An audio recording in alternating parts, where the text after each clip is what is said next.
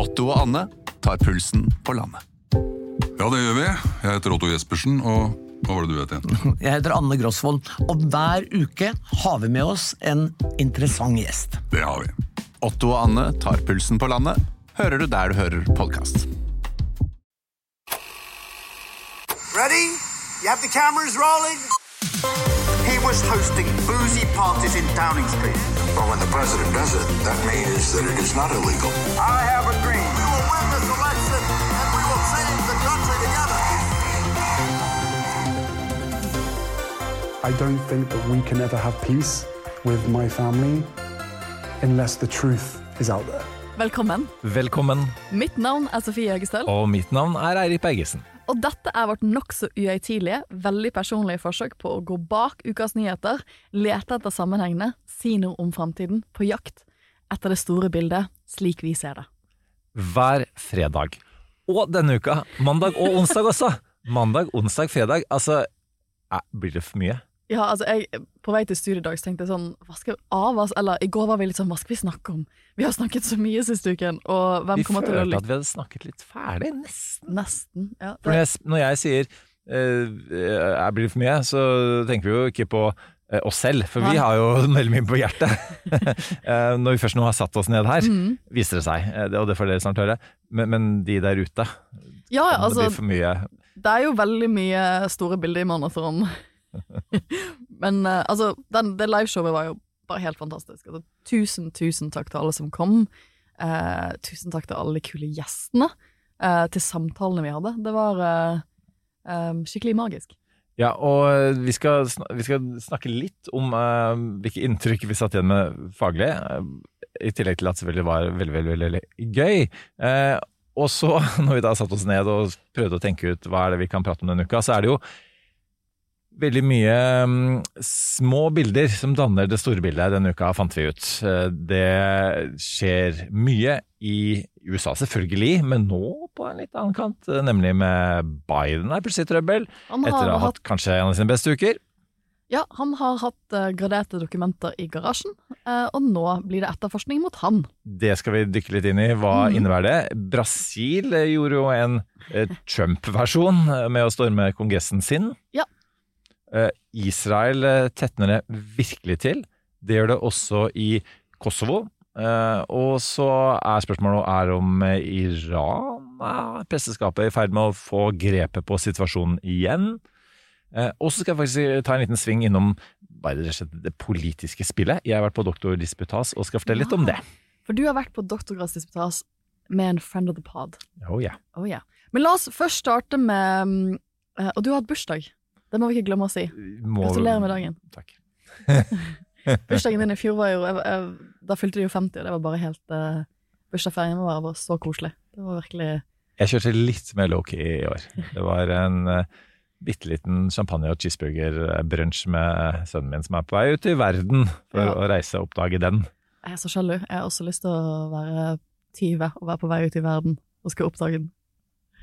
Men vi må debrife litt fra livepoden, for det at og der begynner vi i dag. For det, livepoden var ekstremt morsomt. Det var som sagt helt magisk. Men vi fikk jo ikke snakke så mye.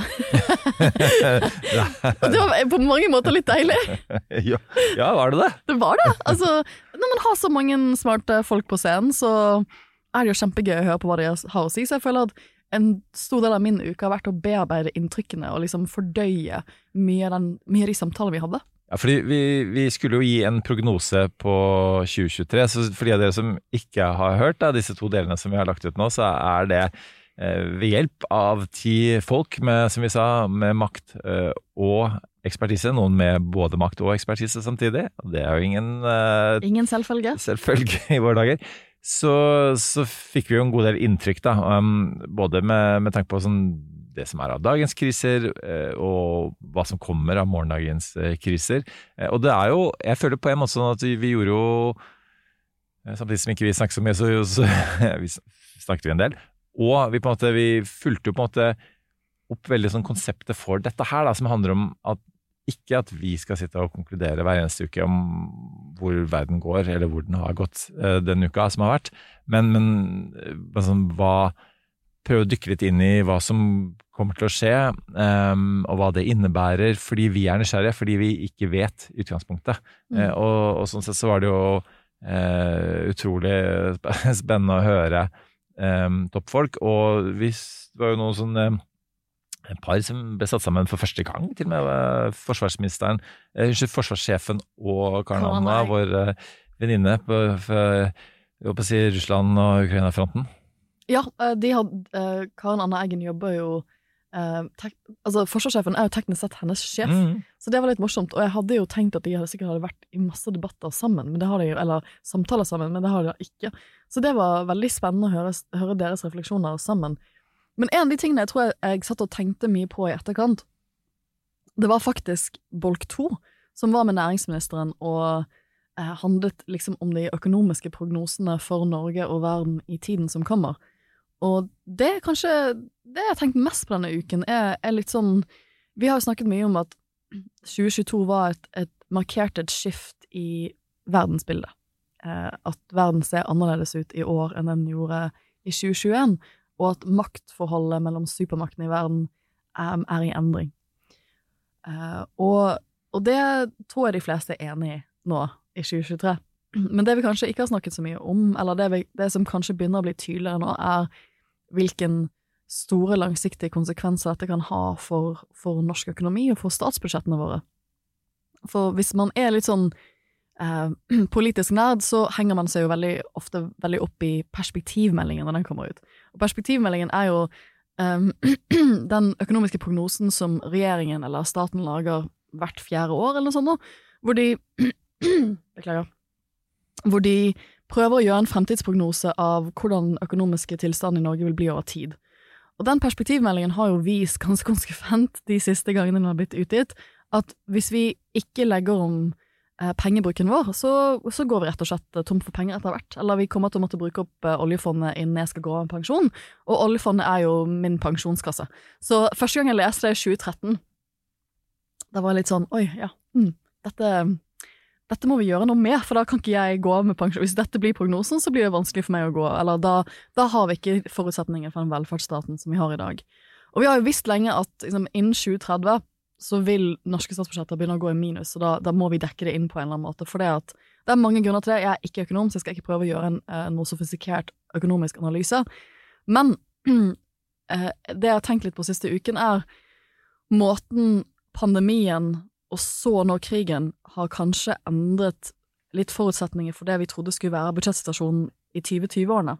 Eh, og at du ser veldig tydelig nå at en av de tingene som er vanskelig for regjeringen, er at de ikke kan bruke mer penger, som man kunne under pandemien, eh, på grunn av eh, konsekvenser det ville hatt i norsk, for opphetningen av norsk økonomi. Og så må man, for det at man ikke kan bare ese ut statsbudsjettene, så må man prioritere hardere enn det man har gjort før. Og det er jo det vi forventer at kommer til å være tilfellet uansett om noen år. Uh, politikere har jo visst lenge at denne endringen kommer, men er vi klar for den? Er vi klar i Norge, um, alle mann, uh, for eh, en situasjon hvor politikere ikke kan kjøpe seg ut av konflikter, egentlig, eller politiske uenigheter, med oljepenger? Ja, altså jeg hadde jeg, to eksempler denne uka her, da. Eh, eh, som er både sånn det lille og det store bildet. Jeg kan begynne med det lille bildet, fordi eh, de økonomiske problemene Den beste illustrasjonen jeg, jeg hørte om det eh, denne uka, var i forbindelse med norske tilstander eh, i går, på torsdag, som da eh, tok utgangspunkt i en elleveåring som kommer med en svær søppelsekk inn på kontoret på Sagene IL skal eh, og, og bli spurt hva gjør, hva gjør du med den? Jeg er her for å betale medlemskontingenten min på fotballen. Ja. Med tomflasker. Ja. Eh, og så som hun sa, hun som eh, var med programmet fra, fra Sagene, da, eh, Maren Synnevåg, vi selvfølgelig tok imot det. Eh, og det er på en måte en, sånn, en ny virkelighet, da. Mm. Eh, og, og, og der er det jo det med Um, altså idrettslaget som en sånn community-faktor, da, eh, og som en, en arena for, for ungdommer å holde seg unna risikoatferd, kriminalitet og, og skaffe tilhørighet. Det er så mye, mye, så mye følgefeil da, i samfunnet hvis, hvis ikke man får den biten der eh, til å, til å funke, og der står det vipper om dagen. Og så det litt mer store bildet var eh, Jeg var i Stavanger på Sola-møte tidligere i uka, og da Du må forklare hva det møtet er. Ja, det er, det er NHO, det òg. um, og det er, eh, er det 30. året, faktisk, de har det. Eh, og det er jo Næringslivet er, eh, som de sier der nede, da, eh, de, de er ikke det største fylket. Men, eh, men de er, når det gjelder økonomisk makt, så er de ganske sterke. Eh, og, og de eh, Ikke sant, det er jo fra å være olje- og gassregion til å bli energiregion. Eh, Så, var måte, så snakker de jo om hvordan de skal eh, utvikle seg videre, da. Eh, Og da satt jeg ved siden av vår venn eh, næringsministeren, som var med på, på livepoden, og like ivrig og tale trengt og tale før, eh, også her. Men så var det litt interessant, for vi satt da begge og hørte på eh, tidligere finansminister Gunnar Berge, Ja. eh, som er fra Stavanger, og um, så nå begynner det å bli en, en, en en eldre mann. Eh, Han også har hatt en karriere, god karriere, fortsatt for så vidt i amerikansk politikk. Men eh, som fortalte om eh, altså Vi er tilbake til sånn eh, 1986, er det vel, finanskrisen den gangen, eh, og eh, lærdommen derfra. Eh, Og da devaluerte vi jo eh, krona vår, til og med.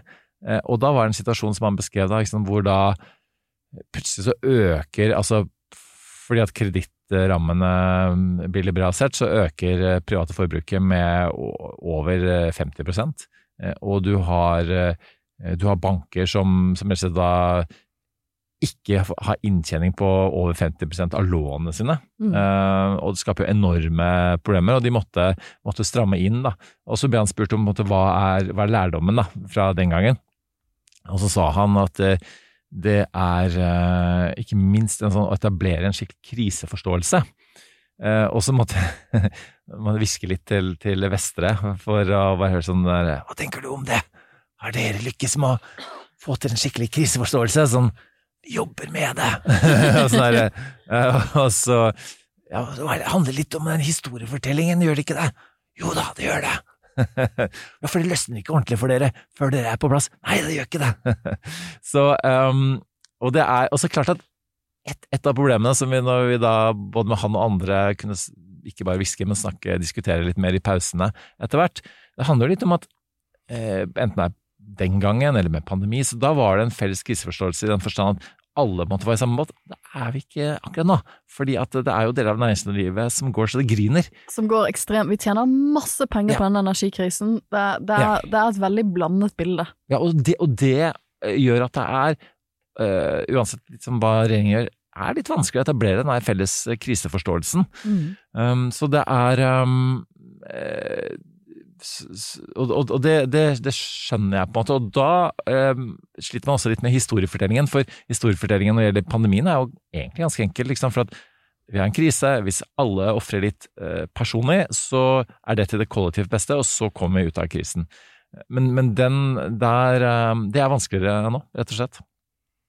Det er vanskeligere nå, og det jeg skal, jeg skal lede en, noen konferanser i, um, i februar, og hatt noen forberedende møter om det, og det har vært et stort diskusjonstema at eh, hvis, man, hvis man vet, altså uansett, og jeg vet det er krangling om perspektivmeldingen er riktig, om det er en for dyster prognose, om man har mer penger igjen i 25, altså om man ikke kommer til å måtte bruke så mye oljefondet for subsidier. For det, det som egentlig er den store underliggende trenden, er jo at vi blir flere 80-åringer. Og det kommer til å koste veldig mye penger, og det betyr at færre av oss står i arbeid bak hver pensjonist.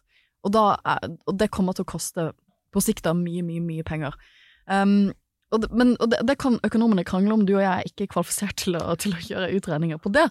Men jeg tror nok de fleste er enige, og det er jo det regjeringen, det er jo det Støre sier på inn- og utpust nå, det er en ny tidsalder for norske budsjetter. Vi kan ikke gjøre en del av de tingene som man gjorde før, og en av mine største kritikker til den forrige regjeringen, altså Erna Solberg 1, er jo at man ikke er av. ja, men er jo at man ikke prioriterte penger uh, på en god nok måte. Man, man uh, hva betyr det? budsjettene. Man, man, man, est, man, budsjettene ble større og større. Um, jeg føler at man til tider brukte penger for å smøre seg ut av samarbeidsproblemer mellom regjeringspartene. Og dette er jo en, sånn, dette er en velkjent kritikk, tror jeg, i mange høyremiljøer av uh, Erna Solberg. Det var mye bra, men det var en av de tingene man ikke gjorde bra nok. For Høyre skal jo være en sånn ansvarlig økonomisk styrings... eh, det, er jo, det er jo en del av den konservative itosen, da, at dette skal vi være flinke på. Um, og da er det jo mye vanskeligere å stå i pos- opposisjon og være sånn ja, nå må vi være mer møysommelige når man ikke har vært det selv. Uh, men, men de er jo ikke de første regjeringene som, eh, som finner litt finansiering til en, en bro for å smøre et partimessig samarbeid mellom tre partier som kanskje ikke av og til har så mye til felles. Um, det er det jo andre regjeringer som har gjort før. Og det at man nå må ta um, harde prioriteringskamper, da mener jeg at man kan ikke bruke nødvendigvis så mye budsjett Vi, ikke, vi kommer ikke til å kunne bare øke budsjettene, så hvis valget mellom, står mellom å bygge nye skolebygg og kanskje bygge ut, eh, gjøre deler av Vest, eh, Vestlandet eh, ferjefritt, så må man virkelig ta en runde på hva, hva, er skal, hva er det vi skal bruke penger på, så kan man bare velge én av de, ikke begge. Det er ikke ja takk, begge deler lenger. For ikke å snakke om én ting er ferjefritt, men uh, altså elektrifisering av ferjene og, og ja, halv pris på ferjer og gratisferjer ja. og det hele tatt. Og det er en del sånne type spørsmål hvor jeg tror man ikke lenger kun, skal kunne kamuflere politiske prioriteringsspørsmål med penger fremover. Og det er om norske politikere er klar for den realiteten. Det blir mye mindre hyggelig å være politiker på noen måter når du ikke kan gi penger til alt. Og veldig mye mindre hyggelig å være på slektstreff på Sunnmøre hvis de tolket det jeg sa i stad som et, uh, noe som er slagside mot ferjetrafikk. Uh, fordi det var ikke meningen. Jeg, har, jeg fikk allerede nok uh, ble påminnet i jula, Sofie, om da jeg plasserte Sognefjorden feil. feil. Ja. I, i alle. Uh, så kommer, kommer aldri De er ennå ikke over det. Så, så, det var ikke meningen. Men nei, altså, ellers så uh, tenkte jeg å nevne en annen ting som kom derfra også, nemlig at uh, når denne pågående krisen er over, eh, så tenker man liksom at eh, ok, da er Altså hvis, hvis um, Altså av, av, alle årsaksforklaringer så er Putins krig den, den fremste mm. blant, blant, flere, og så er det følgefeil av den osv. Men eh, hvis vi tror at når den krigen er over, så er alt bra. Da, ja, da har energiprisene stabilisert ja, ja, seg, og energitilgangen stabilisert seg. Nei, det har det ikke. Og, det, og jeg har veldig lyst til å ha en energiepisode vi må finne noen gode eh, gjester på det. Fordi eh, det som er helt åpenbart, da, og budskapet er jo at eh, nei, nei, nei, nei. vi har kommer til å ha et energiunderskudd. I mange år. Eh, mange år. Eh, og, det, og, det, kommer til å ta tid om, om det skal utlignes ved hjelp av vindmøller til land, vindmøller til havs, eller kjernekraft, eller hva det nå skal være. Så kommer det til å ta tid å etablere. Og vi, altså, vi er allerede for seint ute mm. med å, å, å tildele konsesjoner og, og, sette i gang med det som jo vil ta tid å etablere. Eh, og det var en sånn viktig påminner, og det er sånn selvfølgelig sånn at eh, i, uh, i, den løpende dag-til-dag-mediedebatten som, som, drukner litt, da, og ikke minst nå når, den, uh, når det er en krig uh, pågående også. Og den debatten, norsk økonomi, hvis dere hører på, så økonomer Eh, så, så den, den, må man eh, passe på å, å, å ta eh, nå, for at det er for sent. Ja, jeg er jo heller ikke noen energiekspert, men jeg har jo skjønt når jeg leser lengre saker om det, at det er ikke snakk om at man, er, man, tenker at disse prisene vi har nå er toppen. Det er heller snakk om at til neste år kan det bli enda verre av, av sånne markedsgrunner jeg ikke skjønner, og strukturen i energisystemet vårt. og dette er vanskelige spørsmål. Det er store spørsmål, og det er vanskelig å snu systemet på den som du sier, vi er allerede sent ute, og det er man i hele Europa, så vi er jo ikke alene om det. Så her er det vanskelige veivalg som må tas, eh, og man må på et eller annet tidspunkt være for noen av disse eh, energi, alternative energikildene, og ikke mot alt. Det er også en sånn større det, For det, det, er veldig lett å si at nei, men vindkraft sånn og sånn, og sånn, og, og være litt imot man må, På et eller annet tidspunkt må vi velge noe vi skal satse på, og ta igjen, ta de, ta de um, Det vil jo ikke være noen perfekte løsninger her å finne den, minst, den mest perfekte, minste perfekte løsningen som er der ute. Og det blir også et viktig, altså det er også et viktig prioriteringsvalg fremover. Og det er jo politikk. Og det er politikk. Så det er mulighetens kunst, og jeg tror nok at um, den tidsalderen vi kanskje er på vei inn i med norsk offentlig, stats, altså norsk offentlig pengepolitikk nå, det, da vil mulighetens kunst være mye mer på dagsordenen enn det kanskje har vært de siste tiårene.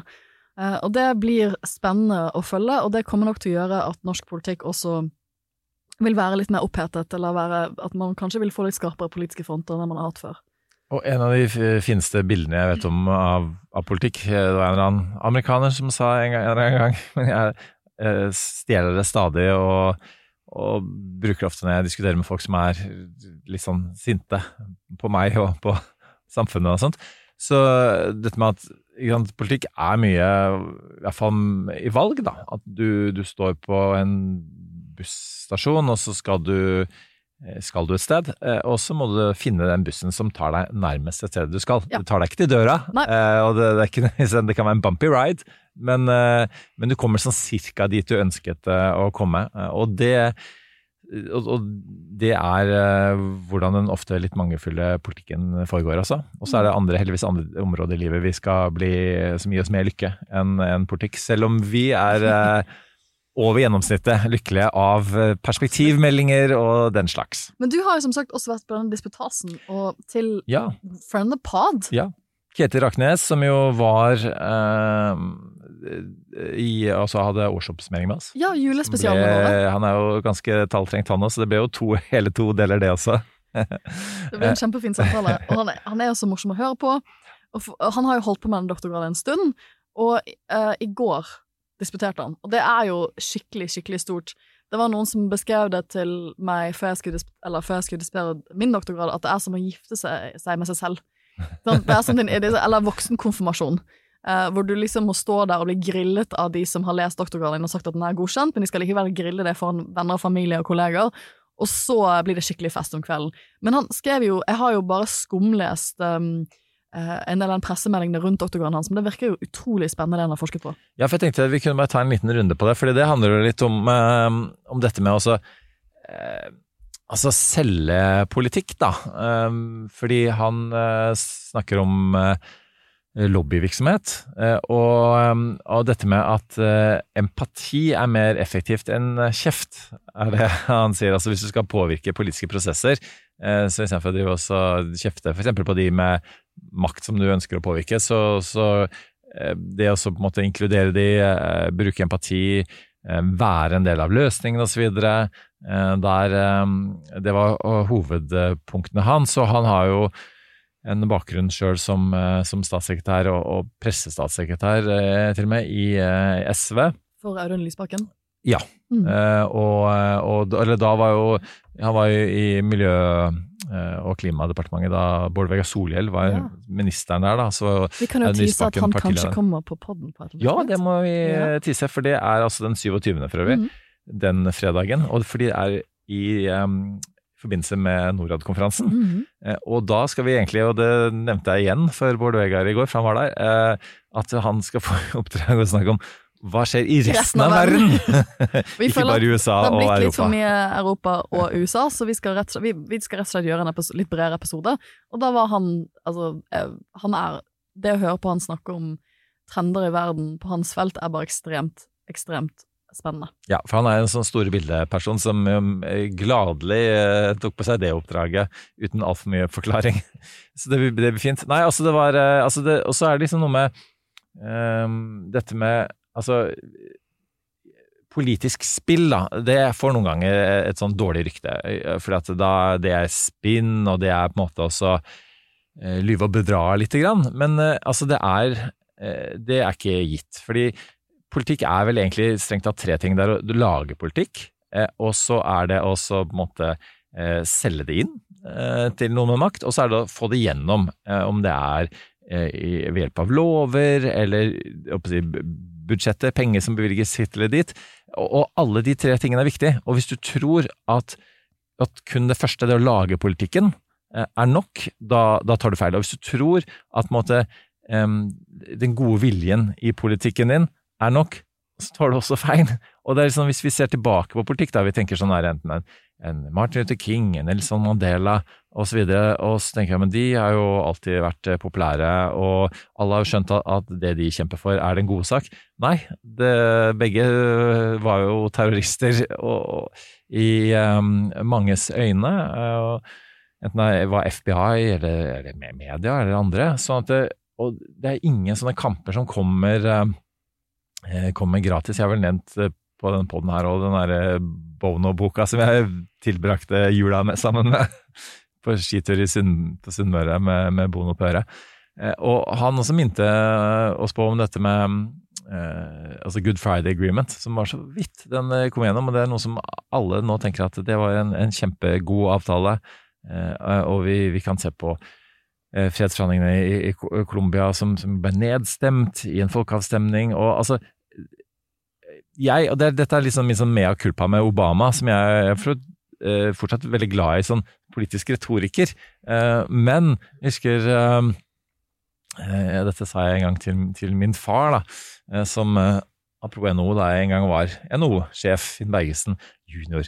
Og så sa jeg at eh, ja, men eh, jeg tror veldig på Obama. Han sa ja, jeg tror kanskje eh, Det er ikke sikkert at han slår Hillary og, og vinner valg og så videre. Sånn. Jo, jo, men eh, nå er alt annerledes, for at nå er det nå er det, dette er en ny måte å drive politikk på. Det er retorikkens kraft. Og jeg er jo en kommunikasjonsperson, så jeg har jo eh, et overdreven tro på ord. da. Eh, og, og så sånn, ja, det er ikke helt sånn som han oppfatta politikk, som ikke er helt unaturlig når du er sjef i NHO. Um, eh, og, og så føler jeg nok at han eh, fikk litt rett der. Fordi at, Og det sa jo Hillary Clinton også, sa at eh, hun ble også spurt om det, men Obama representerer noe helt nytt, og på en måte um, en argumentasjonskraft vi ikke har sett før. Og så sier hun ja, men for meg er liksom alltid politikk verdt det er liksom å lugge og klore og klype og slåss for den der hver lille centimeter. Eh, og, så, og så er det kanskje til og med ett skritt fram, og så er det to skritt tilbake, så må du vinne en, ta omkamp på noe du trodde du hadde vunnet. Eller hvis du har vært i politikk lenge, så skjønner du at du har aldri vunnet dette Nei. en gang for alle. Eh, Og det er eh, og hvis man eh, altså, så selvfølgelig, Jeg skjønner at, at eh, folk som, som følger altså, Som kikker inn i pølsefabrikken, da. Um, altså pølsepolitikk. Hvis du er glad i noen av delene, så bør man ikke se hvordan de blir lagd. Men hvis du skal få gjennom politikk, så må du vite hvordan det blir lagd. Eh, og, og det kan være messig, og det er altså eh, Prøver jeg oppsummere her, det Ketil Raknes prøver å skrive om i, eh, i doktorgraden sin. Åpenbart lykkes det i og med at han nå er eh, doktorand. Han er doktorand. Gratulerer. Eh, dette er så spennende at jeg tenker at her må vi også gjøre en liten spesialepisode på et annet tidspunkt om dette temaet. Det, Ja, jeg har veldig lyst til det. Jeg har liksom det, politiske spillet, for at det er, det er, det er viktig. Vi har jo en regjering nå som, som ikke vil um, jobb, samarbeide med PR-byråer. Eh, og PR-bransjen i seg sjøl har jo et dårlig rykte, og er en av de få bransjene hvor det syns jeg er litt rart. Det er åpenbart selvfølgelig mye som er, gjort galt i, PR-ens navn, men, men liksom, det er gode og dårlige eh, PR-rådgivere eh, i den forstand at effektivitet, og, men også i forhold til moral. Så, men det er også, om, om du en, jobber med, med PR og kommunikasjon og, og lobbyvirksomhet, eh, om du gjør det i det private eller i staten, det er mange som gjør det i Det offentlige også, mm Mhm. eh, så er det, er det faktisk en del av dette å, å selge inn um, politiske resultater. Ja, og altså, er det noen eksempel, som trenger, tenker, ofte trenger bedre kommunikasjonsrådgivere, så er det klimasaken, for eksempel, eller klimaløsningene. Um, For det løser seg ikke selv. Nei. og, og enhver altså innovativ eh, teknologi, eller hva det nå skal være. Noen må på en måte få folk til å forstå eh, hvorfor det er viktig, og hvorfor det haster, osv. Og så er det masse dilemmaer, så dette, det skal vi snakke mye mer om. Uh, dette var noen av refleksjonene våre fra livepoden, uh, men takk igjen til de fantastiske, kloke folkene som kom og gjorde oss klokere. Og 250 pluss mennesker i salen. Herre min hatt. Nei, altså, jeg var jo så nervøs jeg, når, vi ble spurt om å gjøre dette, og tusen takk til NHO som ga oss muligheten, men når vi, når vi ble spurt om å gjøre dette, så var min første reaksjon Men hva om ingen kommer? For jeg er alltid livredd for liksom, å arrangere sånne ting, så er det to personer i salen, eh, og begge er liksom i familie med meg. Eh, mens du var veldig sånn Nei, nei, dette blir kjempebra. Uh, og jeg var jo full panikkangst-mode eh, dagen før, og for så vidt på dagen før vi skulle ha showet. Og når folk plutselig, når vi skjønte at folk begynte å komme tidlig Folk var jo der tidlig. Da var jeg litt sånn Oi, folk kommer faktisk. Det, så tusen, tusen takk. Og, og med det så må vi også tise at eh, 31. januar så er vi i Tromsø på Arctic Frontiers. Da skal vi nordover, og da skal vi lage det store bildet sett fra nord. Da har vi noen eh, kloke hoder eh, som, eh, Vi holder på å rigge dette nå, det blir veldig gøy. som, som er fra nord, som skal eh, hjelpe oss. Søsteren min bor jo i Tromsø, så jeg- får da muligheten til å se nevøen min, og se søsteren min igjen. Og søsteren min jobber jo for Norsk Polarinstitutt, så hun har vært på Arctic Frontiers i mange, mange år. Så hun har lov til å gi meg et krasjkurs om nordområdene i løpet av den helgen før vi skal gjøre livepoden. Så Astrid, tusen takk for det. Vi, vi, vi takker deg for, eh, for ekspertisehjelpen din. Og med det så skal vi utenlands. Vi skal ta en liten, uh, liten eh, reise rundt uh, for å se hva som skjer i verden nå. Vi skal komme tilbake til USA, men vi tenkte vi kunne starte litt andre steder, for det har jo skjedd mye i USA siste uken, så det må vi nesten ta for seg selv.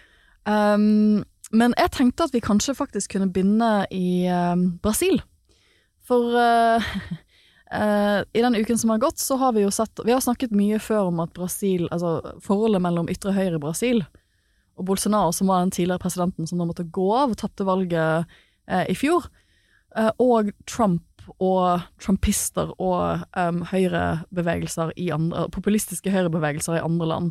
Og den, det, det, det bildet av hvorfor de to tingene henger sammen, ble jo dessverre veldig, veldig synlig da denne da tilhengere av Bolsonaro rett og slett tenkte at vi skal også storme Kongressen. Det var kjempefint i USA, så vi gjør det samme. Og ikke bare, skjønt slik at ikke bare stormet de kongressbygget i Brasil, men de stormet også Høyesterett og presidentpalasset. Bare for å gjøre alle statsgrenene gå mot utøvende, lovgivende og dømmende myndighet samtidig. Ja, det var, altså, det var jo noen eh, Ikke bare selsomme bilder, men det var jo eh, dessverre noen gjenkjennelige bilder. Eh, og, og vi har snakka om det før. altså Dette er jo bevegelser som eh, ikke bare inspirerer hverandre, men de samarbeider, rett og slett. Og det er, det er, vi ser fingeravtrykkene til en Steve Bann i kulissene her. Og, og, og, litt av de samme mekanismene med å bortforklare det også, hvor Bolsonaro sier at nei, han hadde jo ingenting med dette her å gjøre. Og så kunne man, hvis han snur på det, så si at ja, men be dine tilhengere om å ikke ikke gjør sånne ting, da, eller når de gjør det, ber de om å slutte å gjøre det. Eh, og det er jo litt den samme kritikken som eh, Trump også fikk. Eh, og vi har forsøkt også på poden her snakket før om at, at Lula altså, har jo også sine svin på skogen. Ja. Og at i den forstand at det var et, et sånn nivå av korrupsjon, at, at man førte til med at Bolsonaro, som jo heller ikke er verdens mest uhildede person, kunne, være med å, kunne potensielt være med å rydde opp den vanskelige mm. situasjonen. Da. Og så viste det seg at den, det ble jo langt verre. Men øh, ja, at det er en sånn type fortvilelse hos, hos, disse tilhengerne, det er det ingen tvil om. Men, men, det å sette til side spillereglene på den måten der, og ja. at eh, Bolsonaro i, åpner for det uh, ved på en måte også å snakke ned systemet så helt og fullstendig. Uh, ja, det, så, så, ja, så det er jo tvil om valget. Altså, det har jo vært veldig sånn Trump-playboken etter valget i Brasil, og for så vidt også før. Og Trump brukte jo mye tid før uh, valget i 2020 på å undergrave systemet, for å plante de frøene. Um, jeg syns det var veldig sånn talende at Bolsonaro er jo ikke i Brasil akkurat nå. Han er, har vært, han er av en eller annen grunn vært på sykehus i Florida, så han er jo hjemstaten til Trump mens dette skjer. Uh, og det for meg igjen, det, det, viser jo hvor tette bånd en del av disse bevegelsene har, rett og slett, både ideologisk, idémessig, men også at de, altså at de møter hverandre, utveksler erfaringer og ser til hverandres handlingsmønstre. Uh, og det er også jeg tror jeg understreker igjen at det er nok Jeg kan godt forstå folk som tenker at man snakker altfor mye uh, om amerikansk politikk i, i Norge. Og at jeg kan ikke forstå folk som sier at vi at liksom, i Vesten så er vi all, liksom, og, og fra et verdensperspektiv så får de altfor mye plass. Men det er jo litt fordi at når en, en hendelse som 6. januar skjer i USA, så er det en, en hendelse på grunn av USAs status i verden som har evnen til å forplante seg og inspirere andre. Uh, og, det jo, og, det er jo, det vi så to år da etter stormingen av Kongressen, at uh, det inspirerte andre aktører i andre land.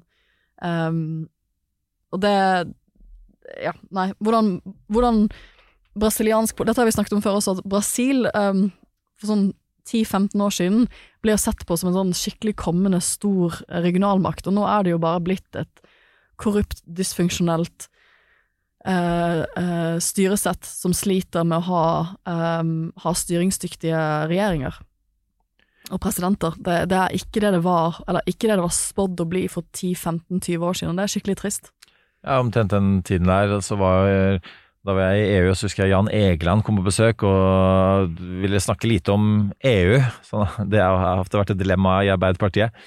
Eh, man har vært så delt på det, men da var BRIC-landene det nye store. Ja, og, og BRIC-landene var jo da besto av Brasil og en del andre land som var som man Russland, at, India og Kina. Mm. Og alle de sliter ja. veldig med demokratiene sine, mm. og, og, jeg tenkte den gang, jeg tenker det nå, det er et problem. Og, og, i våre dager så har jo vi virkelig forstått hvor viktig demokratiet er som din valuta i verden. Da. Og det hjelper ikke eh, hvor mange mennesker du er. Nå går jo India forbi i Kina i antall mennesker i år. Vi må snakke mer om India på poden også. Det, ja. Og, og, og, når det gjelder økonomi også, det selvfølgelig alle tingene er viktige, men demokrati, altså det er og blir en, en avgjørende faktor. Og hvis ikke du har det på plass, vel da, da eh, får du ikke den plassen i verden som du kanskje føler at du kanskje mer grunnleggende en- et, et fungerende styresett som vil landet sitt vel, som evner å utvikle landet, ta landet i den retningen, sånn at du kan bli et, et ordentlig Disse BRIC-landene skulle jo være motorer for eh, verdenspolitikken og verdensøkonomien um, ja, i dette tiåret her. Eh, og så ser du jo, som du sier, hvor splittet det bildet er nå, eh, og, og hvor annerledes det har endt opp. Eh, For når jeg studerte internasjonale relasjoner, så var jo også BRIC-landene det man snakket om. Det var det, det, det som store, interessante elementet. Hva skjer nå med de? Det snakker man ikke om lenger i det hele tatt. Eh, og da er vi jo over til det jo, du, du vil ta opp Kosovo. Ja, eh, fordi da Ref for så vidt 10-15 år siden, Mm. eh, i, da, da jeg var i EU-systemet, eh, på vegne av, av Norge, da, eh, så, så ble Kosovo uavhengige, eh, og, og jeg var, var mye og reiste, reiste der nede. Og vi var til og med også i um, det serbiske områdene i, i, Kosovo. Da måtte vi faktisk ta måtte, Vi måtte bytte bilskilt, og vi måtte liksom da, gå inkognito og ikke vise at vi var eh, en del av EU-systemet, for da kom vi til å bli jagd ut av byen.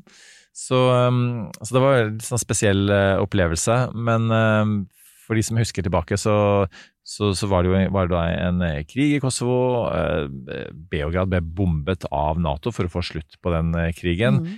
Altså Det man fryktet den gangen, var at, at de eh, massedrapene på unge muslimske menn som, som skjedde i, i Bosnia-krigen, at det skulle gjenta seg. Og man prøvde og for så vidt lyktes å stoppe det, og så, og så ble det en situasjon som gjorde at, at, eh, at man eh, Verdenssamfunnet følte at man måtte gi Kosovo uavhengighet fra eh, Serbia. Og så lurte jo Russland i kulissene også den gangen, men da var Russland svakere enn de er nå. Nå er de i ferd med å svekke seg selv, for så vidt, men eh, nå har de jo med en eller annen type um, De tror iallfall de er, de har, altså de er, Om ikke en stormakt, så er de i så fall stormaktsgale.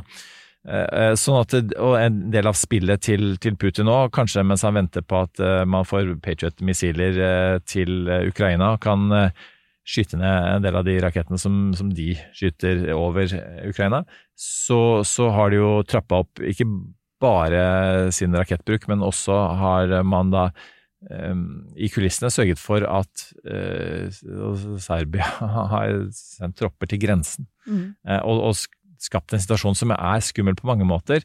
Og en av de tingene som også er litt skummelt, er jo at det er jo sånn eh, throwback til første verdenskrig. Hvor, det var en serbisk nasjonalist som, ja. som satte i gang den altså krigen som ingen ville ha, som det ble hetende. Det er virkelig hundreårsperspektivet, og det, det, er jo, det er jo det som skjer, at spenningsnivået i Kosovo er på topp. Eh, og det er en del internasjonale aviser som har stilt spørsmål denne uken og forrige uke om Europa er klar for to kriger. Kan man håndtere to kriger, krigslignende stasjoner, samtidig? Um, vi får håpe at det ikke ender der, eh, men at Kosovo eh, At man ikke kan miste øyet for det som skjer i Kosovo eh, nå, tross alt som skjer i Ukraina. Det tror jeg blir veldig viktig i ukene som kommer for å håndtere stasjonen sånn at det ikke blir et høyere spenningsnivå enn det som er nå. Du dukket opp på, på Dagsnytt 18 nå for å snakke om dette. Jeg var på vei til fotballtrening, så jeg, så jeg rakk ikke å min høre beste- ferdig. Men du du og Kai Eide snakket om dette. Det var ikke min beste Dagsnytt 18-opptreden, følte jeg, for jeg følte det Jeg fikk Jeg var liksom ikke Jeg fikk ikke Jeg følte jeg ikke greide å prioritere de viktigste tingene i min taletid. Um, men poenget mitt egentlig var bare da at jeg Man hadde jo trodd, når Kosovo erklærte seg uavhengig i 2008, at man ville finne en eller annen løsning. At man ville integrere de, eh, de ville bli anerkjent som en ordentlig stat. Dette er jo et folkerettslig spørsmål. Til det. det er et veldig politisk spørsmål, men det er også et folkerettslig spørsmål. At de ville bli anerkjent uh, som en stat, både folkerettslig, men også av det politiske verdenssamfunnet. Og kanskje, altså, og tolerert av, man tenkte vel ikke anerkjent, men tolerert av Serbia og Russland, at dette var det som kom til å skje. Um, uh, og hvis vi da spoler frem til uh, 2023, så er det ikke tilfellet. Man har ikke, um, man har ikke kommet så mye lenger med uh, med all, akkurat sånn eh, deres eh, juridiske status. Hva er de? Er de en fullverdig start? Man har heller ikke kommet så mye lenger med um, å finne en annen løsning enn at Nato-tropper fortsatt må være der for egentlig dempe spenningsnivået. Um, og det er, det er jo ikke noe som står seg over tid, eller eller ikke Nato, men er at EU Det har vært så mange forskjellige uh, observatorer og uh, sånn uh, juridiske prosjekter og osv. inn i Kosovo, men at man ikke har funnet noe bedre løsning enn det der man er nå, det hadde, det hadde jeg ikke trodd at man skulle, at man, at man skulle være der 15 år senere, da. Um, og det er ikke bærekraftig på sikt. Og så er det jo også noe veldig trist med å se at sårene fra uh, oppbrytelsen av det tidligere Jugoslavia uh, fortsatt er så rå 25 år senere. Og det tror jeg også dessverre er et liksom sånn frampeik med hvordan situasjonen kommer til å være i, I Ukraina og, Ja, og- Russland. ja. Mm. Eh, og, og det forholdet, for ikke å snakke om eh, Belarus osv., eh, nye 15-20 år fram i tid. Så um, det, det var også en av de tingene jeg satt og tenkte på etter Mm. livepoden vår. Altså, hva er ut, hvordan, hvordan vil vi forholde oss til Russland om 50 år? Vil vi greie å integrere Russland i kontinentet? Vil vi greie å gjøre det vi gjorde etter andre verdenskrig med, med Tyskland? Eller vil vi gå på de feilene vi gjorde med Tyskland etter første verdenskrig? Eh, hvor vi ikke, eh, ikke greide å, å skape relasjoner som sto seg, som gjorde at man forsonte seg over tid. Da. Og så viser jo som du sier, denne konflikten her, hvor lang tid det tar et sånt type forsoningsarbeid tar, at man kanskje på 90-tallet var litt vel optimistisk på at man, hvis man liksom fikk noen, til noen rettssaker og noen domstoler og gjorde sånn og sånn og sånn, så kunne man få til forsoningsarbeid på ganske kort tid. Ja, fordi, eh, og grunnen til at du kommenterer disse tingene her, er jo at det har vært rettsprosesser. Altså, det er fortsatt rettsprosesser. og folk blir dømt, Mm. eh, og, og man, man tar de måte, juridiske og politiske oppgjørene man, man skal gjøre etter boka, men allikevel så er, er altså, fordi dette er det å skape er medmenneskelig Eller det å få uh, kosovo-albanere til å like kosovo-serbere, Ja. det har man ikke fått til. den, Altså, den, den, den mellom, menneskelige den menneskelige faktoren, den mellommenneskelige reaksjonen, har man ikke fått til. Som både folk som jobber med krig, og folk som jobber med juss, noen ganger Noen overser. ganger overser. Jeg tror en del jurister har tenkt at ja, men nå har vi en dom som sier at disse personene her var, det var et folkemord mot disse etniske minoritetsgruppene, det var sånn og sånn og sånn, og det må man respektere. Og så ser man at det er, sånn, det er ikke sånn det funker. Og så skal vi dessverre innom to land til som også har gått i feil retning i det siste. Og eh, et av de er eh, Israel. Jeg føler at dette er sånn problem watch-runden. ikke sant? Her er det, nå er det we're, we're monitoring the situation closely. Eh, det, når du sier det på siden, det føler jeg litt det vi sier nå, at nå er, dette, dette er ting vi vet som skjer. Og, og det, sånn, det var jo jobben min i UD, I UD. da jeg var en av disse statspersonene, var jo å si nettopp det at eh, vi følger utviklingen eh, løpende. Vi har tett kontakt med partene. Ingen umiddelbare planer om konkrete tiltak. Eh, så vi er litt der. Vi er litt der. Problem Eh, Watch kunne vært en Vi, vi trenger en jingle på det etter Vi trenger en jingle på det etter hvert. Det skal vi spørre Men altså. Israel Én ting var at de eh, ikke har klart å kvitte seg med Netanyahu, men at når Netanyahu kom tilbake, så kom han med det mest eh, radikale, Høyreradikale, slash konservative- da, for så vidt. Men regjeringen, Ja. altså koalisjonsregjeringen noensinne i Israel. Og, Og det kommer ikke til å gå bra, og det har det heller ikke gjort. det har ikke gjort. Uh, dette er jo noe Jeg har fått lytterspørsmål om dette, og så har jeg lovet at det skal vi komme til. Og så uh, var jo USA i full meltdown-mode forrige uke, så det ble ikke det. Um, jeg hadde egentlig tenkt det kunne være første episode tilbake fra Men vi skal, vi skal komme tilbake og snakke om det som skjer i Israel ordentlig, for det har så mye å si. Og jeg syns også det du ser litt teg, liksom tegningen av nå, er at uh, Som jeg syns du så litt under krigen, den såkalte krigen mot terror, da USA var ganske svekket etter at de hadde gått inn i Afghanistan og Irak. eh, og de, de kunne ikke liksom opprettholde maktsfæren sin i andre verdensdeler fordi at alle så hvor svekket de var av, eh, av eh, disse to invasjonene. Um, og man har litt samme stasjon nå, at vi må bruke så mye tid og krefter og penger, ikke minst, på Ukraina-krigen, at det betyr at vi kan ikke være at hvis man har lyst til å lage litt bråk, eller har lyst til å ta det maktvakuumet som er litt der når eh, USA og Vestens eh, fokus forståelig nok er et sted, så er det nå du, du tar det handlingsrommet. Og jeg føler at eh, innen det starter, så er det litt det man ser. Det Netanyahu gjør, og Netanyahu er jo en av de comeback-kidene som på en eller annen måte greide å komme tilbake til politikken i 2022. Det hadde jeg ikke trodd, all den tid han er eh, under korrupsjonsetterforskninger og straffesaker mot seg. Um, og jeg tenkte at når han måtte gå av sist, at, det, at han var ferdig i, israelsk politikk. Det er han ikke.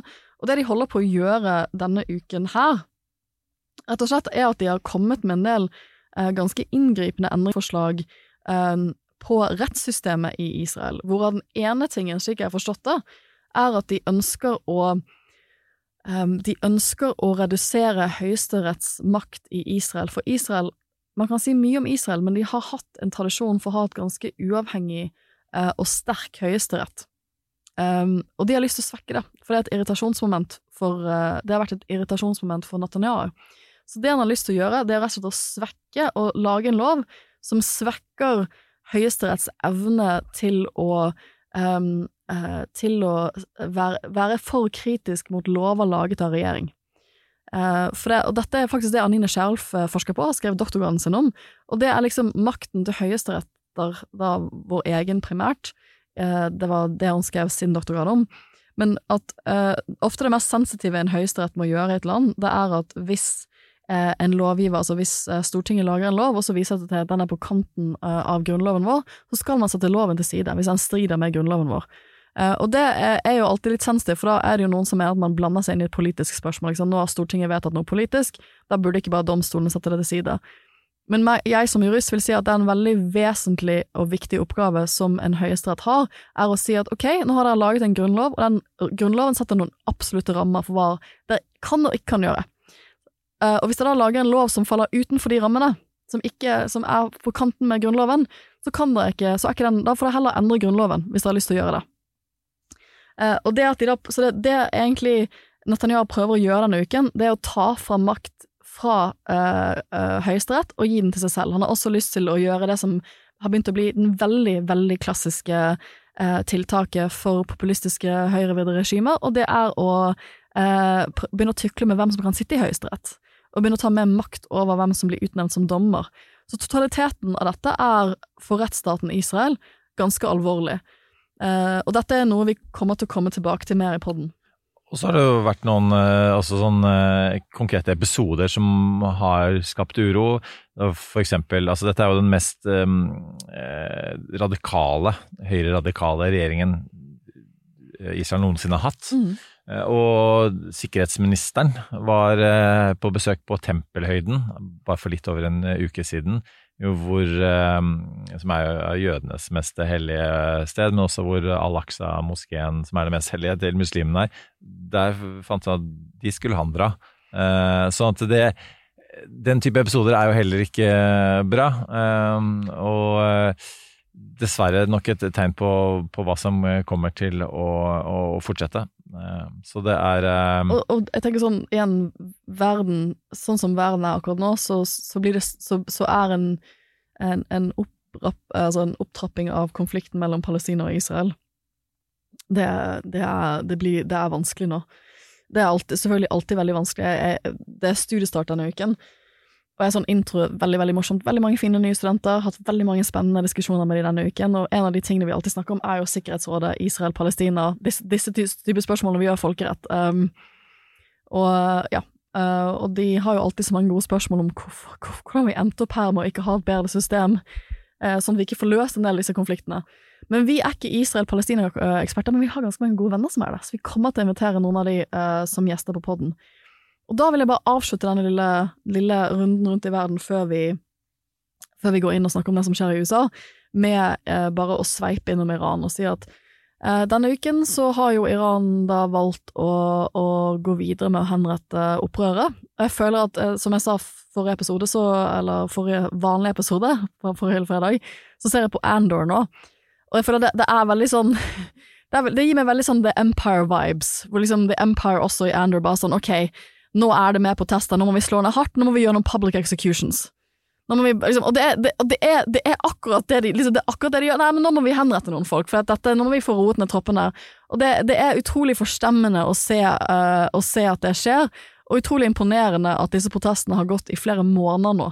Uh, men også den, den, synkende følelsen om at uh, det iranske presteregimet har så mye makt, har sittet der så lenge, at de da kan, uh, som The Empire i disse Star Wars-filmene, uh, bare gå inn for å, å, slå hardt ned, og så kommer de unna med det. Mm. Jeg liker dine Star Wars-analogier, mm, takk, Sofie. Takk. Nei, altså, det, situasjonen er jo at det er vel noe som 100 mennesker som er dømt til døden. Og så er det over 20 000 mennesker som er arrestert, og dette inkluderer ganske mange profilerte enten det er fotballspillere, filmstjerner osv. Altså mennesker av folket eh, altså, som, som er, er forbilder der ute. Og det, det som situasjonen er nå, er jo at man på sett og vis har klart å kvele tilsynelatende en del av opptøyene. Det er ikke så mye av det lenger. Men sinnet som er der, Mm. eh, det er jo stort. Eh, Og, og det, altså hele poenget med, med den type henrettelser er jo, er jo å, å skremme folk, selvfølgelig. Eh, og det, det, det, folk blir jo ikke mindre sinte, men, men de på en måte eh, Altså, de, de, eh, altså, det gjør jo åpenbart noe med, med spiriten. Da. Det er derfor man, man, man gjør det. Det er jo en metode som har funket for presteregimet i, i mange år, I og som de nå trapper opp, til og med. Mm. Eh, så, så det er eh, dessverre heller ikke eh, gode tegn eh, for Iran, men, men det at man eh, eh, Jeg er jo en politisk optimist, da, Sofie. Mm. Eh, tenker at, at det at man Man kan heller ikke dytte tilbake i boksen det som har skjedd. Eh, og, og det med de, de bildene og de scenene man, man har sett, det, selv om det nå er to skritt tilbake, så, så var det ett skritt fram, og det var lenge siden det, det skjedde. Eh, Så Mm. det syns jeg fortsatt gir grunn til eh, optimisme. De har jo holdt ut i 100 dager, og det hadde man nok ikke trodd da det begynte. Det var vår, eh, det var vår sveiptur gjennom eh, stasjoner som bekymrer oss i verden. Eh, Nå skal vi over til USA, og da trenger vi en aldri så liten Trump Watch-jingle, fordi at Trump har hatt en god uke denne uken. Quiet, quiet, quiet. You are a rude, terrible person. Og Eirik, de fikk jo uh, Kevin McCarthy ble jo speaker. Det ble nesten voldshandlinger på, på gulvet av Kongressen mens vi holdt på med livepodden, men det gikk. Det gikk klokken fire om morgenen norsk tid. Han ble speaker. Han har gitt bort alt. Han har gitt bort hele sølvtøyet til utbryterne. Har ikke så mye penger igjen, men han har i alle fall blitt speaker. Eh, og denne uken uh, så Jeg har ikke sett han så lykkelig, han har jo bare vært i jobben noen dager, men i går fikk han en, en skikkelig gavepakke, for i går uh, så kom det frem at det er nye tilfeller av at Joe Biden skal ha hatt graderte, in, graderte um, dokumenter fra Ob Det er litt det som er konfliktert her. Fra da han var visepresident i Obama-administrasjonen. Så det er ikke snakk om at han har hatt presidentdokumenter fra sin nåværende presidentperiode andre steder enn der de skal være. Men man har gjort funn av um, visepresidentdokumenter, altså Hvite hus-dokumenter fra hans tid som visepresident, først på eh, kontor, eh, en kontor han skal ha brukt i en tenketanke, uh, før han ble president, uh, og nå i garasjen hans in, i Wilmington. Uh, og det var det som kom ut i går kveld. Og det var, ikke, liksom, det var ikke ti minutter etter jeg fikk den nyhetsvarselen at Kevin McCarthy sikkert sprintet ut av kontoret sitt i speaker-officen og bare sånn Where's the nearest TV camera? I need CNN. Og han holdt full pressekonferanse, så smørblid ut, snakket om at nå må, vi, nå må Kongressen etterforske som bare det, og snakket mye om likhet for loven, og at uh, demokratene har vært så kritiske til Trump, og det at Trump har gjort disse tingene her, nå må man passe på at det faktisk blir en likebehandling av Biden. Og da måtte rett og slett justisministeren i USA, et dårlig start på året for han, gå ut, for han har, som jeg snakket om før, han har utnevnt en spesialetterforsker eh, for å etterforske blant annet da, hvordan Trump skal ha uh, håndtert graderte dokumenter som han har tatt ut av Det hvite hus. Og nå har han måttet utnevne sin egen spesialetterforsker for Biden. Så begge 2020-kandidatene er nå under spesialetterforskning for å ikke greie å håndtere gradert informasjon. So it's going great! Things are going great! Og så er spørsmålet hva, okay, hva er da forskjellen mellom disse to sakene? Og det er jo noen eh, åpenbare forskjeller. Eh, en av de er at foreløpig, dette er jo en pågående sak, det det har vart noen dager, det har kommet nye dokumenter, men foreløpig er det jo langt færre dokumenter det ser ut til å dreie seg om når det gjelder eh, Bidens eh, tilfelle. Vi vet fortsatt ikke hvilke dokumenter, men foreløpig er det altså vi, Når det gjaldt Trump, så var det jo ja, Nå er det titalls. Biden og Trump var det mange hundre. Eh, Det var at atomhemmeligheter var altså veldig Det, var, strengt for det er jo mange nivåer på gradert, og det var jeg veldig tydelig på da jeg ble spurt om å kommentere dette i går. Vi vet rett og slett ikke nok om hvilke dokumenter det er, om de er superhemmelige, eller om de er bitte litt graderte. Og da, og da er det er jo for, selvfølgelig, forskjellige regler for hvordan du oppbevarer disse graderingsnivåene. Altså noen av de dokumentene som er funnet hjemme hos Trump, er jo dokumenter som er så hemmelighetsstemplet at du, får ikke, at du skal kun håndtere de innenfor spesialrom i liksom det hvite i, i offentlige bygninger i USA, hvor du ikke får lov til å gå inn med eksempel med elektronikk og den type ting. Det er jo eh, det, er det, det vet vi ikke om det er snakk om her. Biden sier at han ikke har visst. Det er også noe de prøver å, å dra opp som en vesentlig forskjell, at Trump tok disse dokumentene, mener de da med vilje. Ikke sant? Han hadde lyst til å vise dette brevet fra Kim Jong-un til vennene sine i Mar-a-Lago.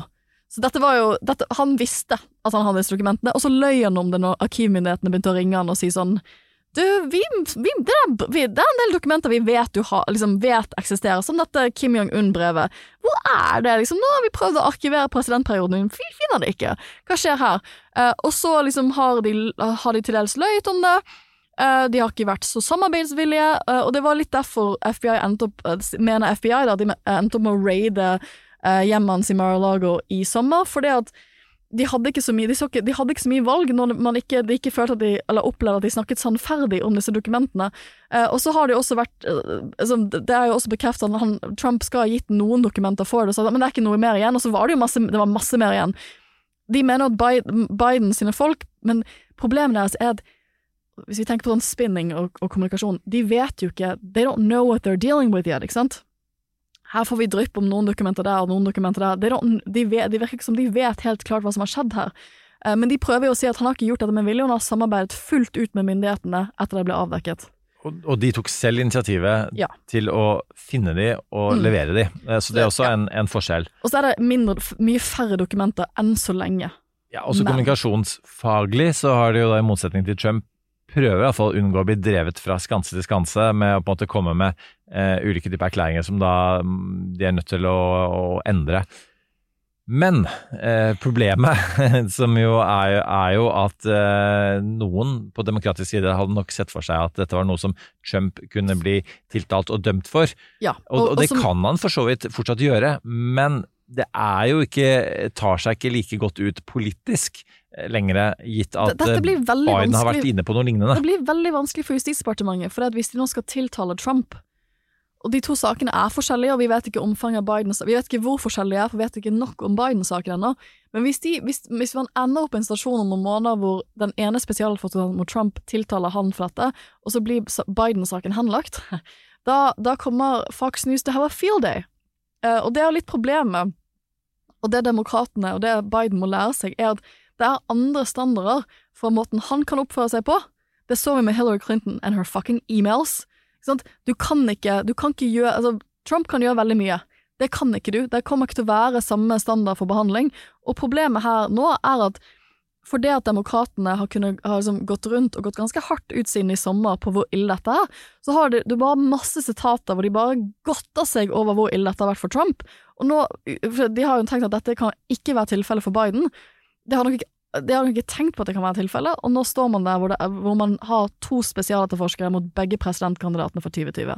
Og, og det som også blir interessant å se, er jo egentlig at det, det beste som kan skje her for eh, Biden, er jo at, at eh, republikanerne tenker at eh, dette er så god sak at dette må vi bare kjøre på maks. Dette er jo eh, riksrettverdig. Mm. Og så kjører de en svær prosess på dette som folk tenker sånn så viktig er det ikke. Um, på samme måte som med, med Bill Clinton og Lewinsky-saken. Uh, jo, det var ikke bra, men det var ikke riksrettverdig. Nei, Så- men så det, det- ja, ja. det blir problemet her for Biden også, at det, hadde dette vært i fjor, så hadde det kanskje vært bedre for han, men nå er det jo republikanerne som har dette knappe flertallet um, i Underhuset i Kongressen, og vi snakket jo sist om at disse 222 menneskene ikke virker å være enige om så veldig mye. Men er det én ting jeg tror alle de 222 personene er enige om, at vi skal faen meg etterforske Biden.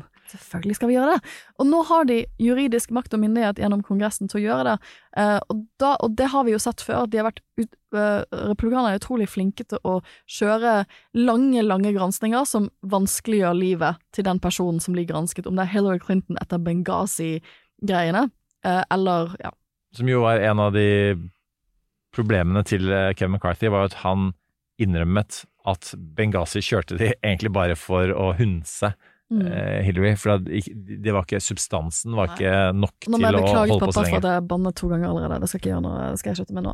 Men, men jo, men, men det er litt sånn det, det Og jeg tror bare sånn For meg det fascinerende politisk er jo at eh, Biden har hatt noen veldig gode måneder. Siden valget så han har hatt en veldig god Sin periode. beste tid. Sin beste tid, hvor han kunne si, smykke seg med at jeg har levert tidenes, moderne tidens beste mellomvalg for et sittende eh, regjeringsparti, altså for, det partiet som sitter med Det hvite hus, som nyvalgt president. Um, det har vært rolig, og replikanerne har dummet seg ut fra A til Å. uh, ikke minst med alt det, det showet vi så forrige uke. Uh, og har jo, han har jo hatt en veldig komfortabel uh, situasjon de siste månedene. Til og med så mye at en del av hans kritikere har vært sånn kanskje han burde stille til gjenvalg i 2024. Kanskje, kanskje han er riktig mann, kanskje vi har undervurdert han. Eh, han, jo, han sa jo før jul at han skulle liksom ta julen til å tenke på og avklare endelig om han skulle stille til gjenvalg. Skulle snakke med familien og sånne ting, og så skulle han komme ut med det på nyåret.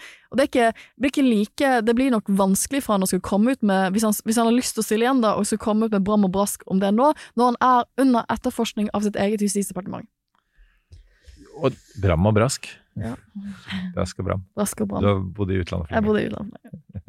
Det was er så gøy når du skulle bruke sånn derre sånn der, Da skulle det være norsk, da skulle jeg liksom bruke et norsk uttrykk Ja. her. Og så føler jeg det. Um, eh, og eh, vi, ja, vi får se, vi ser hvor det ender. Det er uh, uansett eh, ikke bra for han, og det var på en måte det kjøttbeinet som uh, republikanerne trengte. trengte. Og det kan til og med påvirke om han stiller, og kanskje var en av grunnene til at de fant ut at shit, har vi noen dokumenter vi skal Ballen sånn liksom halvveis, så, eh, som vi burde levere tilbake nå, før presidentvalgkampen setter i gang for fullt. Så la oss finne de, eh, og det har de nå funnet. Og så må de få styring på hva som har skjedd, for det som jeg så på deler av pressekonferansen deres i går, det, det er veldig tydelig at her, de er ikke helt kontroll over hva som har skjedd, eller når. Eh, og det, det må de, de må få avklart det, men for republikanerne så må det være veldig deilig at det nå har kommet en stor sak, som, sånn at de kan, istedenfor at alle sakene som blir skrevet er om hvor mye Kevin McCarthy har gitt disse utbryterne, og om de kan holde seg samlet, så blir nå de neste døgnene For nå tror jeg også en del av den liberale pressen vil føle et ganske stort press på at nå må vi ta denne saken like seriøst som om det hadde vært Trump. Vi må likebehandle dette her med, eh, med om, hvis, hvis noe sånt skulle skjedd mens Trump var president. Og så er bare for å legge inn en liten sånn um, eh, La oss kalle det en konspirasjonsteori, da. Driver vi med den slags? Eh, så, så ikke sant Hvis re republikanerne ender opp med å ikke gå for Trump, Mm. så eh, La oss si at det blir DeSantis, da. eh, Så kan jo de kjøre denne saken her enda mye mer. Hele veien. Ikke sant? Men hvis Trump er den kandidaten, så vil de i verste fall utligne hverandre, da. Ja. Eh, Så det blir jo interessant å se. På, så på en eller annen måte så vil det få betydning i presidentvalgkampen. Det ser det ut som at det vil. Ja, For nå er det jo Det er jo presidentvalget i USA til neste år, det kan vi jo si nå som er 2023, så nå er den lange valgkampen i gang. Og primærvalg i år. og primærvalg i år. Med det så uh, dundrer vi over i ukens på- og avkobling. Jeg har lest en av de bedre bøkene jeg har lest på lenge. Mm. Og det er Nanette McCurdy sin I'm Glad My Mom Died. Den har jo vært på toppselgerlistene overalt i USA. Jeg, har jeg har vurdert å lese den selv. Ehm, for det har jo en tittel man husker.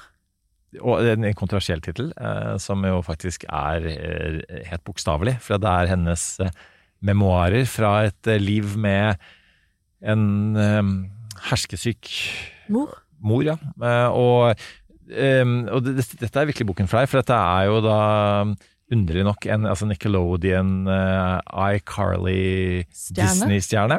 Som altså side om side med Serena Gomez og uh, Miley Cyrus, eh, og som jo er kjent Vi må annen til. Miley Cyrus, for Miley Cyrus har droppet ny singel i dag. Uh, og det har hun gjort på mange år. Og vet du hvilken dag det er i dag? I Miley Cyrus-verdenen? Ja, Nei. det er bursdagen til eksmannen hennes. Liam Hemsworth. Ja, så hun har droppet en singel om at hun kan elske seg bedre enn denne mannen hun har gått fra på bursdagen hans. Gratulerer med dagen. Anyway, Liker du eh, like mye som jeg hater at jeg kan uh, Miley Cyrus trivia, som at hun har vært sammen med Liam Hemsworth? yeah, I love it.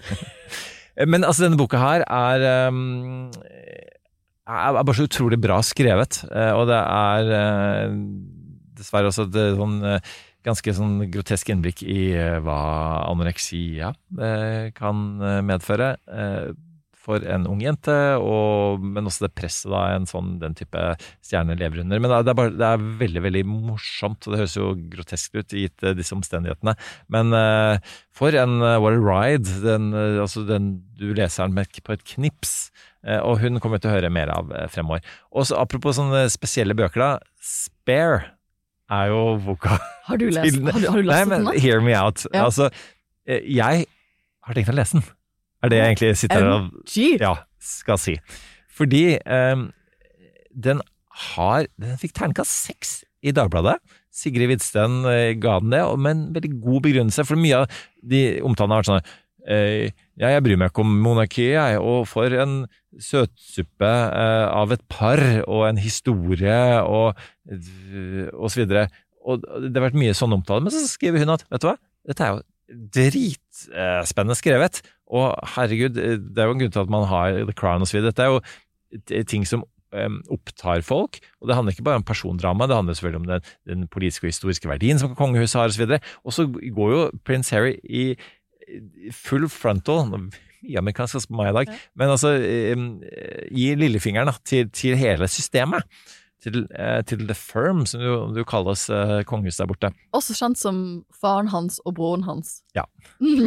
Og, og, og det er jo altså, skal Si hva du vil om, om, om det at han gjør det, eh, men, men at, at, det er, at det er et drama, det er ingen tvil om. Så hørte jeg nemlig at eh, boka er jo egentlig skrevet av en ghostwriter som heter J.R. Mm. Moringer. Mm. Og J.R. Moringer har altså da skrevet eh, noen av de beste eh, biografiene jeg har lest. Eh, nemlig eh, eh, Shoedag om eh, Nike, Ja. Pete Knight, Mm. som, som står bak Nike-merket. Eh, Men også Open, eh, som er Andrew Agassi sin eh, biografi, som er den beste sportsbiografien jeg noen gang har lest. Jeg er veldig glad i biografier. Og så tenkte jeg sånn at aha, han, han har jo visstnok, da, jeg har lest andre omtaler også, eh, min favorittnettsted, Goodreads, som jo handler om at, at han vært, er mester til å lage cliffhangers, da, som gjør Mm. at du, du, Du, fortsetter du å bare lese. må lese videre. Så jeg hadde ikke ønsket det, men jeg er i ferd med å begynne å lese det. Ok, du må gi oss en review i, i podden. For jeg så også den Dagbladet-terningkastet, og tenkte sånn å, her skal Dagbladet være litt kontrær. Ikke sånn, alle andre bare sånn å, herregud, um, dette er utlevering av familien. Men jeg, jeg, jeg ser jo at den selger som bare det. Altså, den solgte 1,5 millioner kopier på en dag. Uh, så det er jo en, en salgssuksess. Uh, og det er, eh, slik jeg skjønner det for The Daily Mail, veldig mye. Uh, uh, veldig mange seanser, veldig mange store scener i den boken. Så du må komme tilbake og fortelle oss hva du tenker. Det, det, det er jeg oppriktig nysgjerrig på. Jeg har litt andre type um, på avkoblinger denne uken. Jeg har egentlig hatt en litt sånn dårlig uke. Jeg føler at jeg dummet meg skikkelig ut på mandag, på jobb. Og det, sånt skjer jo av og til. Eh, og det eh, Man kan jo Det er jo litt sånn Livene vi lever nå, er jo litt sånn at man ser ofte glansbildene av, av ting fra utsiden. Og da kan det liksom se ut som vi liksom Vi gjør liveshow, masse folk kommer, og så liksom sånn og sånn og sånn, og sånn, og det bare går slag i slag. Men sånn er jo ikke det virkelige livet. Og på mandag så, så hadde jeg en seanse hvor jeg bare følte at jeg dummet meg skikkelig ut. Og man, liksom, jeg føler sånn, Du og jeg holder jo nok foredrag uh, og gjør nok sånne greier til at du vet når ting går skikkelig skeis. Og det gjør det av og til. Ikke sant? Det, uh, jeg fomlet, jeg sa feil ting, eh, og jeg gjorde det foran ganske mange viktige fagpersoner og følte at uh, Jeg hadde liksom veldig den følelsen av at nå Eh, nå har jeg bare bekreftet at jeg er mye dummere. Jeg er liksom, jeg er ikke så faglig flink. Jeg, har liksom, liksom har bekreftet alle de tankene man kunne, jeg har, kan ha om meg selv til tider, og, og liksom, jeg frykter at alle andre har også at liksom you, you, This is when they found me out. Ikke sant? Sånn massivt imposter syndrome. Imposter syndrome, ja, skulle du si det. Massivt, massivt, massivt. Og, og liksom, Som alle har. som alle, ja, alle har, ja. Uh, og liksom, men, ehm, men det var så vondt at det liksom var på gråten etterpå, rett og slett. Det, og det som, og akademia er jo ikke nødvendigvis det hyggeligste stedet alltid. Uh, jeg, føler at jeg er ikke den eneste eh, akademikeren som har, har følt liksom Og det, jeg, jeg har ikke snakket med andre som hørte på, så jeg vet ikke hvor ille det egentlig var. Uh, men så jeg har liksom hatt et behov for å gjøre Eller høre på ting som, som, som uh, som hjelper meg å bearbeide, bearbeide den dårlige uken jeg har hatt. Um, og to av de tingene som har hjulpet meg gjennom det, er det første Yoga with Adrian, som jeg snakket om på podden før. Hun har eh, en sånn Hun starta hvert nyår, det har hun gjort de siste seks-syv årene, med en sånn 30 day yoga challenge. Og Yoga uh, with Adrian er jo ble, fikk sånn kultstatus under pandemien, men jeg begynte å gjøre uh, Hun har gratis åpne YouTube-videoer om yoga, og jeg er ikke en veldig fleksibel person, jeg er ikke en tradisjonell yogaperson i det hele tatt. Men hun eh, jeg, jeg, jeg, fant henne da jeg var veldig stresset rundt doktorgraden min, og begynte å gjøre videoene hennes. Og begynte å gjøre Hun har altså 30 day challengene hver, hver januar, og du kan jo starte en sånn challenge når du vil, du trenger ikke å gjøre det i januar. Um, og og det, hun har en sånn måte å være på hvor jeg tenker sånn det er, det er hun jeg har lyst til å være i verden. Hun er så raus, liksom, du får en ro, hun er morsom. Hun har et sånn, bare sånn, et utrolig sånn varmt vesen. Jeg, jeg får varme av å se på de videoene, og det, er, det roer meg. Så jeg har gjort eh, jeg, jeg prøver alltid i januar å følge det. Jeg, jeg pleier alltid å falle bak med å gjøre den 30 day challengen. Men hun, liksom, det føles sånn når jeg er veldig stresset eller liksom um, føler meg nedfor, så føler jeg de videoene uh, Hennes vesen hjelper meg. Og også yogaen, selvfølgelig. Men hennes vesen hjelper meg. Og så hørte jeg på Det har jeg ikke gjort på en stund, men jeg hørte på en episode av Armchair Expert with Jack Shepherd. Jeg vet ikke om du har hørt på den podkasten før? Eh, Den er jo blitt et kultfenomen i USA, eh, og noen misliker jo Dax Shepherd. Han er da ektemann til Kirsten Bell, som er en uh, mye mer kjent uh, amerikansk skuespiller. Han har jo vært Veronica skuespiller. Mars. Veronica Mars. Trivia you. Ja, ja, og uh, The Good Place. Jeg elsker The Good Place. Og, og det var egentlig sånn jeg følger henne på Instagram, så det var sånn jeg så at de starta denne podden for en del år tilbake.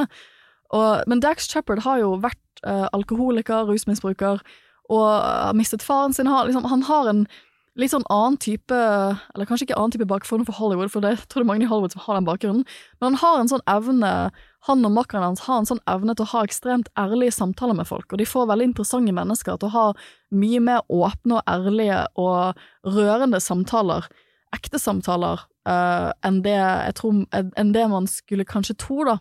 Uh, og de hadde en, um, en episode denne uken hvor liksom jeg så at liksom de skrev på, på Instagram at det er liksom noe av det mest rørende de har gjort, da. Eh, sammen med eh, Sammen med eh, en amer hun amerikanske skuespilleren fra Pitch Perfect. Vet ikke om det er noen Pitch Perfect-fans her.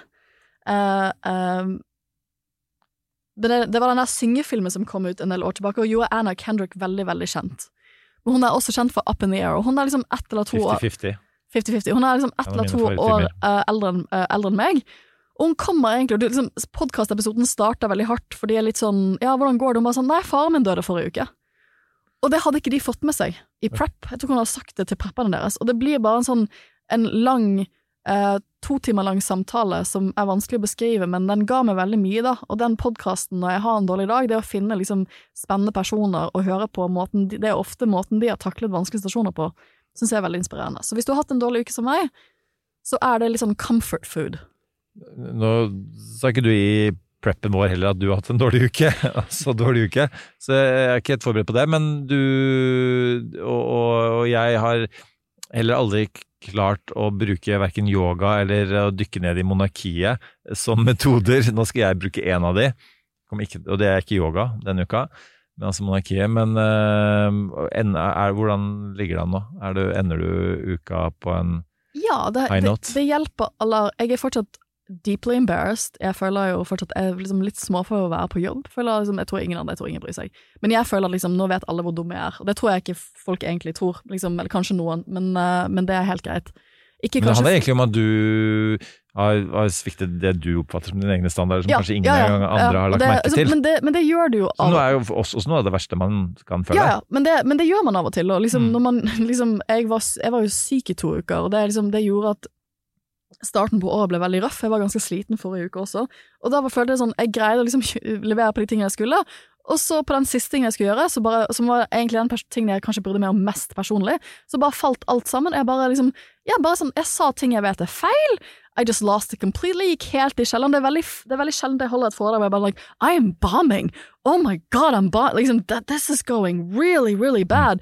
Men sånn er det jo holde liksom, hvis, du, hvis du holder en del foredrag, hvis du gjør en del sånne ting, det er, det, vers- det er jo derfor folk er så redd for muntlige ting. Fordi at when it goes bad, you do it in front of a lot of people. Det er forskjell mellom skriving og andre typer sånn, sånn Det er en del av det. Og da bare setter man strek og går videre. Men det- det som har hjulpet meg denne uken, er også studentene mine. For da, da, da setter jeg liksom egoet mitt til side, og så er det veldig gøy å møte nye smarte tyveringer og høre om alle deres spennende ideer om verden. Så jeg skal avslutte uken med å holde introforelesning i folkerett i ettermiddag, og det tror jeg også kommer til å hjelpe. Og så er det jo eh, Du har dine Star Wars-analogier, jeg har mine fotballanalogier. Altså, altså alle fotballag, selv de som ender opp med å vinne serien til slutt, taper kamper. Noen ganger taper de ta kamper på en eh, ganske kjip måte. Så, så alle har dårlige dager på jobb. Det føltes som 7-0-kampen mellom, eh, mellom Norge og England i, i, i, i kvinne-VM i fjor. Det gjorde det. I fjor sommer. Det gjorde det. Men, men da har man gjort det. Jeg har jo litt sånn overtroisk tro på at man må feile litt. Liksom, det, alt kan ikke gå bra. Man må, man må feile litt innimellom. Hvis ikke så går ikke de andre tingene bra også. Så nå har jeg feilet skikkelig. Nå har jeg startet året med liksom, Vi hadde livepod, det var en stor høydepunkt. Og så rett ned i kjelleren på mandag. Og nå kan vi bare normalisere litt. Og det aller fineste med fotballmetaforer, Sofie og lyttere, det er jo, som Nick Hornby sier i Fever Pitch, at eh, om du taper den kampen, og, du, og det, sesongen går fløyten, så er det har du FA-cupen, eller så har du ligacupen, eller så er det en ny sesong neste år. Det blir en ny sesong til neste år. Eh, eh, Dette, har ikke, dette kan vi snakke om en annen gang, men det at Jennifer Coolidge vant uh, Golden Globe for White Lotus, og den talen hun holdt altså, Jeg har også jeg tenkte, jeg tenkte mye på denne uken. Hun og Michelle Yeoh, hun vant for um, beste skuespiller i, eh, en, i en film, og nå virkelig får masse Oscar Everything, pass, Everywhere eh, Som jeg ikke har sett, som jeg skal se i helgen. Uh, Michelle Yeoh uh, har jeg vært fan av siden vi bodde i Singapore på 90-tallet, for hun var jo så stor i Asia, og hun var jo megastor uh, i Asia. Hun var jo Bond-jente, mens hun altså, var superstor. Men det at hun og Jennifer Coolidge, som begge er 61 år gamle, har sine store karriereøyeblikk, de, de piker nå, de. Det er jo det man har lyst til å gjøre. Pike når man er 60-70, ikke, ikke når man er 36. Og det sier jo en del om din karrieren din, at du, du har ikke piket nå, men, men du er høyt der oppe som 36-åring. Men da, det, nå har jeg en fin måte, nå vi snakka oss bort, ja. på, på, på, men, men på viktige menneskelige, mellommenneskelige ting, eh, Sofia. Det er en fin avslutning. Eh, Jeg kom på den nå. Jennifer Coolidge fra White Lotus. Og nå skal ikke jeg gjøre det samme som henne, som i Takkedalen gir bort avslutningen av sesong to, som hun fikk mye kritikk for. Men hennes eh, avslutningsreplikk er jo eh, You got this. You got this. Og eh, så Jennifer Coolidge, åpenbart You got this. Du fikk eh, Golden Globe. Så Sofie, you, jeg vet ingen forbereder seg bedre enn deg til, til ting. Eh, det vet jeg av egen erfaring. You got this. Takk. Le- Takk. Lyttere, you got this, You got this. denne helga, neste uke. Og så håper jeg dere har, klart har orka tre episoder med oss Det blir ikke denne tre uka. Det blir ikke tre uker neste gang, eller på lenge. Men uh, det var uh, noen ganger veldig hyggelig å snakke til dere. Riktig god helg. That's enough. Put down the mic.